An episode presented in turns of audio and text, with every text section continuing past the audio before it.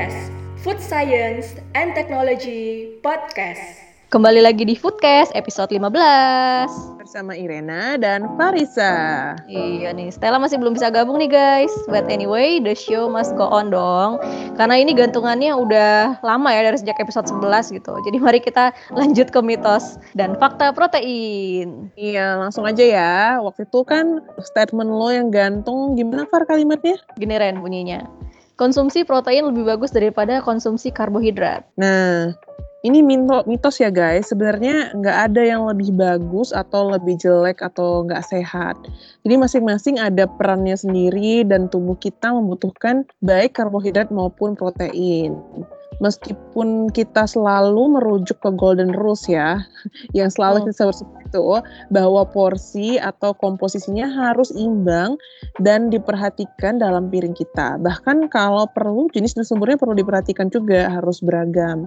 Hmm. Tapi memang protein ini punya peranan khusus yang dibutuhkan oleh tubuh kita dan nggak bisa digantikan oleh karbohidrat maupun lemak atau dalam beberapa hal mereka malah saling melengkapi. Nah, Contohnya ini protein itu penting untuk pertumbuhan, bukan hanya untuk pertumbuhan anak kecil aja ya yang kita omongin sekarang ini. Protein itu adalah salah satu bahan baku untuk mengganti sel-sel yang rusak pada kita orang dewasa. Jadi protein ini adalah bahan baku yang mendukung reproduksi sel yang baru. Jadi uh, ada juga fungsi protein yang jadi uh, sebagai bahan baku untuk pembuatan berbagai enzim dan hormon yang dibutuhkan oleh tubuh. Bahkan DNA kita juga itu kan isinya strain asam amino gitu kan. Hmm. rantai asam amino. Makanya protein jadi bahan baku untuk membentukkan sel atau mengganti sel yang rusak. Terus ada juga ya info katanya kalau kita nge-gym penyerapan protein jadi lebih baik. Bener apa enggak ya? Nah, ini juga kurang tepat nih. Sebenarnya saat nge-gym atau olahraga apa pun itu, kita tuh kan sedang merusak sel-sel tubuh kita. Terutama yang jarang olahraga nih, yang jarang-jarang olahraga, itu kan sel-sel otot yang tadinya tidur jadi kerja keras gitu. Bisa menyebabkan kerusakan sel-sel. Nah, balik lagi ya ke fungsi awalnya tadi, protein lah yang bak yang membantu regenerasi sel-sel yang rusak ini gitu. Ya, jadi uh, quote and quote yang rusaknya emang kan semua aktivitas kita ini apa yang kita kerjain itu kayak ngerusak sel kita dan perlu diregenerasi. Dan ini ada sih uh, ada juga ini hubungannya sama diet-dietan kita mungkin udah bahas ya dietnya, tapi kurang spesifik ke asupan protein untuk workout ini.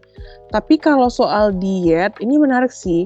Ada studi memang yang menunjukkan bahwa protein bisa kasih efek yang kayak satiety atau lebih kenyang, kayak menunda lapar gitu, di mana ini banyak diterapkan di tipe diet tinggi protein. Hmm, menarik juga sih. Kalau ngomongin diet tuh emang nggak ada habisnya ya, soalnya setiap orang kan kebutuhannya beda-beda. Dan hasil yang didapatkan dari masing-masing jenis diet tuh juga pasti beda-beda di setiap setiap orang gitu kan. Hmm. Makanya waktu season 1 kita bahas diet nih di episode 4. Kita menyarankan konsultasi dulu ke dokter atau ahli gizi kalau mau diet supaya jelas gitu tujuannya buat apa gitu kan, tujuan dietnya. Betul banget, apalagi kalau masih awam banget ya jangan sampai salah. Uh, jadi kalau uh, masih mau lagi throwback ke informasi itu silakan dengar lagi episode 4-nya kalau ada yang kelewat atau lupa masih ada di Spotify kita. Alright, kita lanjut ya ke statement selanjutnya. Statement yang kedua adalah semua protein jenisnya sama? Tentu saja mitos. Udah pasti mitos ini kalau ini. mitos guys. Jadi kan karena yang pertama sebenarnya protein ini ya kalau uh, bahasa bilang building blocknya disusun oleh asam amino gitu. Nah asam amino ini jenisnya macam-macam, tapi secara umum itu dikategorikan sebagai uh, dikategorikan jadi asam amino esensial dan non esensial. Gitu. Nah, apa tuh asam amino esensial dan non esensial? Jadi asam amino esensial ini adalah jenis asam amino yang nggak bisa diproduksi oleh tubuh kita sendiri. Makanya kita perlu asupan dari luar, baik dari makanan, suplemen makanan, dan lain-lain. Sedangkan kalau yang asam amino non esensial itu adalah jenis asam amino yang bisa dihasilkan atau diproduksi oleh tubuh kita sendiri. Jadi kita nggak perlu makan gitu, nggak perlu asupan dari luar. Nah, dari semua jenis asam amino ini yang esensial ada sembilan. Ada sembilan itu leusin, isoleusin, histidin, lisin, metionin, treonin, fenilalanin, triptofan, dan valin. Dulu kalau gue inget banget di kelas biokimia pangan disuruh hafal sama Bu Iya. Megi. Iya ya gue inget juga tuh. Sampai Nah, dibikin kalau- lagu apa kalau? Oh, Ada yang bikin iya. pakai nada gitu biar hafal. Hmm, jadi ini penting sih kita untuk ngerti kan, nggak perlu hafal sih sebenarnya. Tapi kalau kita ngerti inilah eh, eh, asam amino esensial, kita perlu asupan. Nah, ada tambahan untuk bayi dan anak-anak masa pertumbuhan. Jadi untuk mereka ini ada asam amino esensial lainnya yaitu sistein, tirosin dan juga arginin sebagai asam amino esensial tambahan. Nah, sisanya selain yang tadi kan ada 9 tuh yang asam amino esensial untuk orang dewasa. Sisanya ada 11 itu masuk asam kategori asam amino non esensial gitu aja sih sebenarnya. Iya kayaknya kalau kayaknya list asam amino esensial nanti list asam amino esensial dan asam amino non esensial nanti nanti kita masukin ke spotlight aja kali ya biar lebih terlihat perbedaannya gitu. Ya, Tapi perannya dalam eh perannya asam amino dalam tubuh tuh gimana ya? Hmm, ya tentu pasti setiap asam jenis asam amino punya peran yang beda ya, dari strukturnya aja beda gitu kan. Kalau kita spesifikkan satu per satu ya panjang banget sih nanti, apalagi kalau kita main ke daerah molekuler, bagaimana strukturnya ini berperan pada pembentukan hormon apa, enzim apa.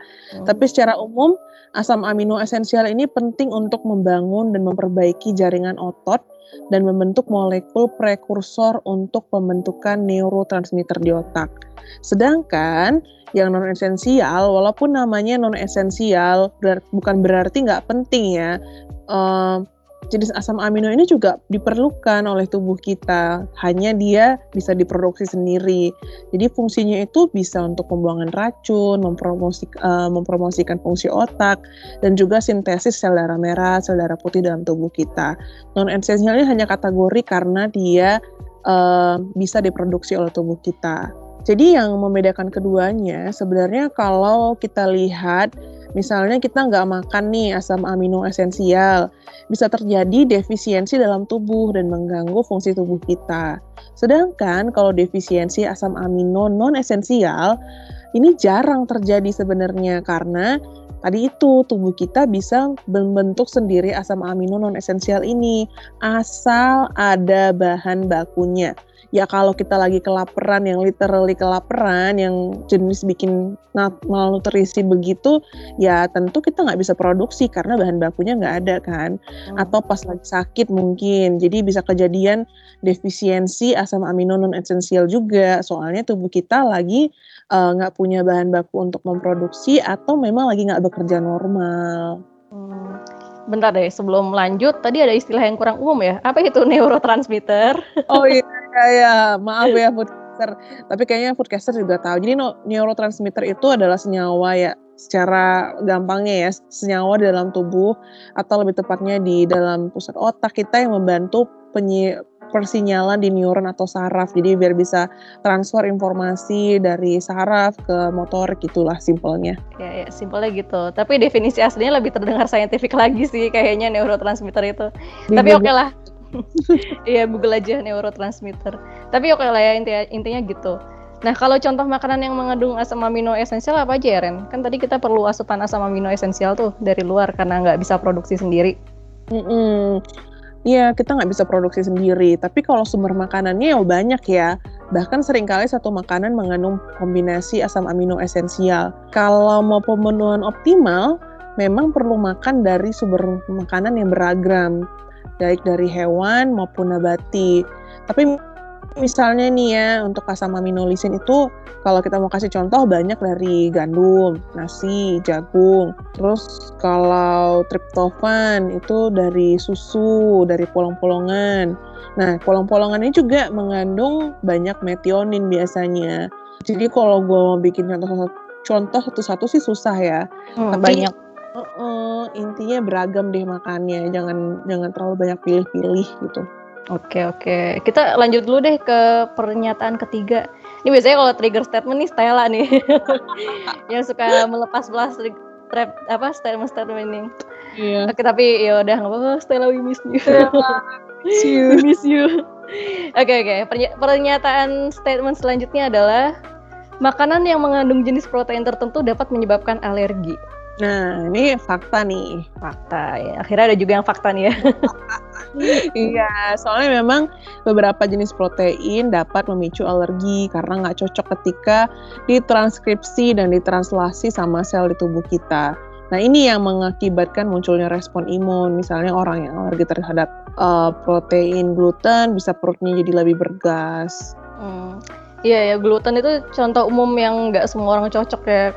Karena banyak banget kalau podcaster perhatiin makanan yang dikasih label gluten free gitu. Tapi sebelumnya kalau ada yang nggak ngerti di transkripsi sama di translasi itu diapain sih? Gitu. itu adalah salah, salah satu proses pembentukan sel ya guys. Jadi biar sel baru yang dihasilkan nanti sama dengan yang lama gitu. Jadi sel-sel di tubuh kita ini akan ngambil kode-kode asam amino yang ada di, di DNA supaya sel barunya nanti hasil, sama hasilnya kayak yang udah-udah gitu. Transkripsi sama translasi istilahnya kayak copy paste kali ya, copy paste password yeah, atau kode yeah, DNA yeah. kita gitulah ya. Iya benar benar benar. Ya walaupun nggak sesimpel copy paste sih, tapi let's say copy paste lah paste. Yeah. copy paste lah, ibu uh. Indonesia banget ngomong paste. Copy paste lah ya. Nah, karena copy paste itu jadinya hasilnya sama gitu. Makanya kan kita udah regenerasi sel bertahun-tahun tapi muka kita tetap sama, sidik jari kita tetap sama, bentuk rambut sama gitu. Ya kecuali lo ngecat rambut jadi blond gitu. Oh, iya. tapi itu kan bukan tumbuh sendiri jadi blond, tetap tetap aja rambut baru yang tumbuh warnanya sesuai sama DNA kita. Kalau gue sih warna hitam gitu ya. Ya begitulah guys. Translasi iya. dan transkripsi kompleks juga ya ternyata kalau mau jelasin asam amino ini urusannya panjang sampai ke DNA. ya kan Ren, soalnya fungsinya ya esensial banget sih. Apalagi kalau pembentukan sel udah pasti belajar tentang DNA juga, soalnya kan DNA bagian dari si sel gitu. Eh tapi balik lagi nih ke ngomongin alergi. Jadi gimana ya mekanismenya protein bisa memicu alergi? Jadi kalau orang yang sensitif nih terhadap alergen makanan, paparan alergen itu, misalnya katakanlah gluten, akan memicu sel efektor imun yang dimediasi oleh protein yang namanya IgE. Di contohnya ada kayak sel mas, basofil, yang nanti dia akan menunjukkan gejala alergi, uh, bisa menunjukkan gejala alergi yang cepat. Jadi si protein alergen ini nempel ke IgE-nya, terus mendorong diproduksinya histamin dan mediator inflamasi lainnya, tergantung jenis alergi langsungnya gitu. Dampaknya bisa gatal-gatal di kulit, sakit perut, bahkan juga ada loh yang bisa mengancam jiwa. Hmm. Makanya hati-hati juga nih buat yang punya alergi sama makanan tertentu ya. Bisa fatal, terus bisa mengakibatkan kematian. Yang paling penting sih tes alergi sih. Eh tadi iya. apa? Tadi itu ada apa aja ya Ren jenis-jenis protein yang memicu alergi? Macem-macem sih ya, gue nggak terlalu hafal juga. Cuman ada yang kalau alergi gluten tuh dari gandum. Hmm. Uh, gluten ya sebenarnya tuh ya gluten tuh kalau nggak ada di gandum nggak ada di roti yang ngembang. Tapi untuk beberapa orang nggak cocok gitu kan protein ini. Terus bisa juga dari seafood, telur, kacang tanah. Uh, bahkan kacang yang dari pohon kayak kenari, almond, pistachio itu juga bisa mengandung alergen. Makanya penting banget mengenal tubuh kita dan mengenal makanan yang kita masukkan ke tubuh kita. Dan kalau beli makanan berkemasan, rajin-rajinlah lihat labelnya. Yeah. Pasti ada info tentang alergen, Banyakkan bahkan dicetak tebal loh, karena penting itu. Jadi atau kadang ada makanan yang uh, dia bahan bakunya sebenarnya nggak mengandung alergen, tapi dia diproduksi di alat yang memproduksi makanan lain yang mengandung alergen tertentu. Pas itu diinfoin juga, misalnya dia bilang uh, biskuit ini diproduksi di uh, tempat yang mengandung uh, gluten atau susu hmm. gitu gitu. Jadi biasanya disebutin tuh di label. Hmm. Itu uh, ini materi ini juga ada di episode kita yang tentang kemasan ya. Hmm, betul betul betul. Jadi, pokoknya ada di season 1 lah. Cari aja, cari aja. Males banget ini kayaknya nyari tahu, kayak lupa gitu. eh Ren kalau susu itu juga mengandung alergen nggak sih? Kalau susu itu ada alergennya, tapi bukan proteinnya sih yang bikin alergi, tapi laktosa tuh kalau kebanyakan ya rata-rata orang orang-orang yang alergi susu itu alerginya laktosanya. Jadi laktosa ini sebenarnya jenis gula atau karbohidrat. Jadi kalau di sini kita nggak masuk ya karena kan lagi bahasnya protein. Oke oke, I see. Udah semua ya statementnya ya, udah tiga nih yang kita bahas. Tapi ada satu pertanyaan pertanyaan sih yang mungkin bisa melengkapi episode ini. Apa tuh? Bahaya nggak sih kalau kelebihan konsumsi protein? Hmm, ini pertanyaan yang bagus sih. Sebenarnya ada beberapa studi yang menunjukkan bahwa asupan protein yang berlebih, terutama untuk yang jenis asam amino non-esensial, bisa memberikan dampak kesehatan jangka panjang yang kurang baik buat ginjal dan tulang. Tapi ini masih kontroversi sih. Gue lihat beberapa paper kan, uh, ada yang bilang iya, ada yang enggak gitu. Cuman balik lagi sih, emang segala sesuatu yang berlebihan itu bisa nggak baik buat tubuh kita. Nggak hanya bicara soal kuantitas, tapi juga kualitas. Kualitas di sini ya membahas bahan penyusunnya si protein tadi, yaitu asam amino. Kayak yang dibahas sebelumnya, ada yang esensial dan non esensial gitu. Kalau biar nggak kelebihan konsumsi protein, ada anjuran kebutuhan protein harian nggak, Ren? Kalau ngomongin jumlah kebutuhan harian uh, atau kuantitas, beda-beda sih kebutuhan setiap orang. Jadi baiknya sesuaikan dengan kebutuhan harian masing-masing aja. Jadi uh, kalau berdasarkan uh, literatur tuh uh, banyak negara nih yang mengadopsi ini kebutuhan protein harian orang dewasa minimal sekitar 0,8 gram per kilogram berat badan. Artinya nih kalau dihitung uh, berat badan seseorang misalnya 50 kg, dikaliin aja tuh 0,8 gram. Berarti butuh setidaknya 40 gram protein per hari. Terus kalau misalnya uh, makanan kamu berapa gitu lihat uh, kira-kira kandungan protein paha ayam berapa nah itu disesuaikan tambah-tambahin aja per hari untuk melihat apakah sudah memenuhi kebutuhan protein ini hmm. kalau dari Indonesia sendiri sih ada peraturan sebenarnya dari Kemenkes ya. Ya. Nomor 28 tahun 2019 tentang angka kecukupan angka kecukupan gizi atau AKG ini nggak tentang protein aja yang lain juga diatur. Jadi disarankan untuk protein sebesar 60 gram per hari untuk wanita usia 19 sampai 64 tahun. Dan untuk pria lebih tinggi dikit 5 gram jadi 65 65 gram per hari untuk usia untuk pria usia 19 sampai 64 tahun. Jadi anyway um, memang ada disarankan begitu ya, tapi balik lagi kebutuhan diet ini bisa berbeda-beda. Misalnya atlet atau yang sedang program bodybuilding bisa kebutuhan proteinnya beda sama yang normal. Iya, betul. Intinya literatur yang bilang kebutuhan protein orang dewasa sekian gram per BB itu nggak baku ya. Hmm. Yang paling penting sih kenali diri sendiri dulu, kebutuhannya apa dan kondisi fisik kita gimana gitu. Iya. Sama ikutin anjuran Kemenkes yang isi piringku itu, kalau di piring kita harus ada ya kan? Kalau di, di piring kita harus ada makro dan mikronutrien dengan jumlahnya masing-masing. Jadi kalian bisa Google juga sih uh, keywordnya isi piringku, nanti bisa ketahuan berapa persen tekarannya. Iya, jadi ini kita kayak kampanye Kemenkes ya, Pak endorse dong. Lo minta. Bener juga sih ini ya nggak apa sih kita akan dukung dan ikut menyebarkan kok asal untuk buat kebaikan banyak orang. Semoga bermanfaat sih ya. Setuju.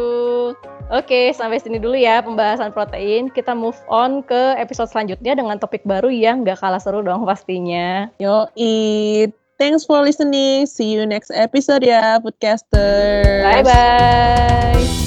Terima kasih udah dengerin Foodcast. Semoga podcast kita bermanfaat ya.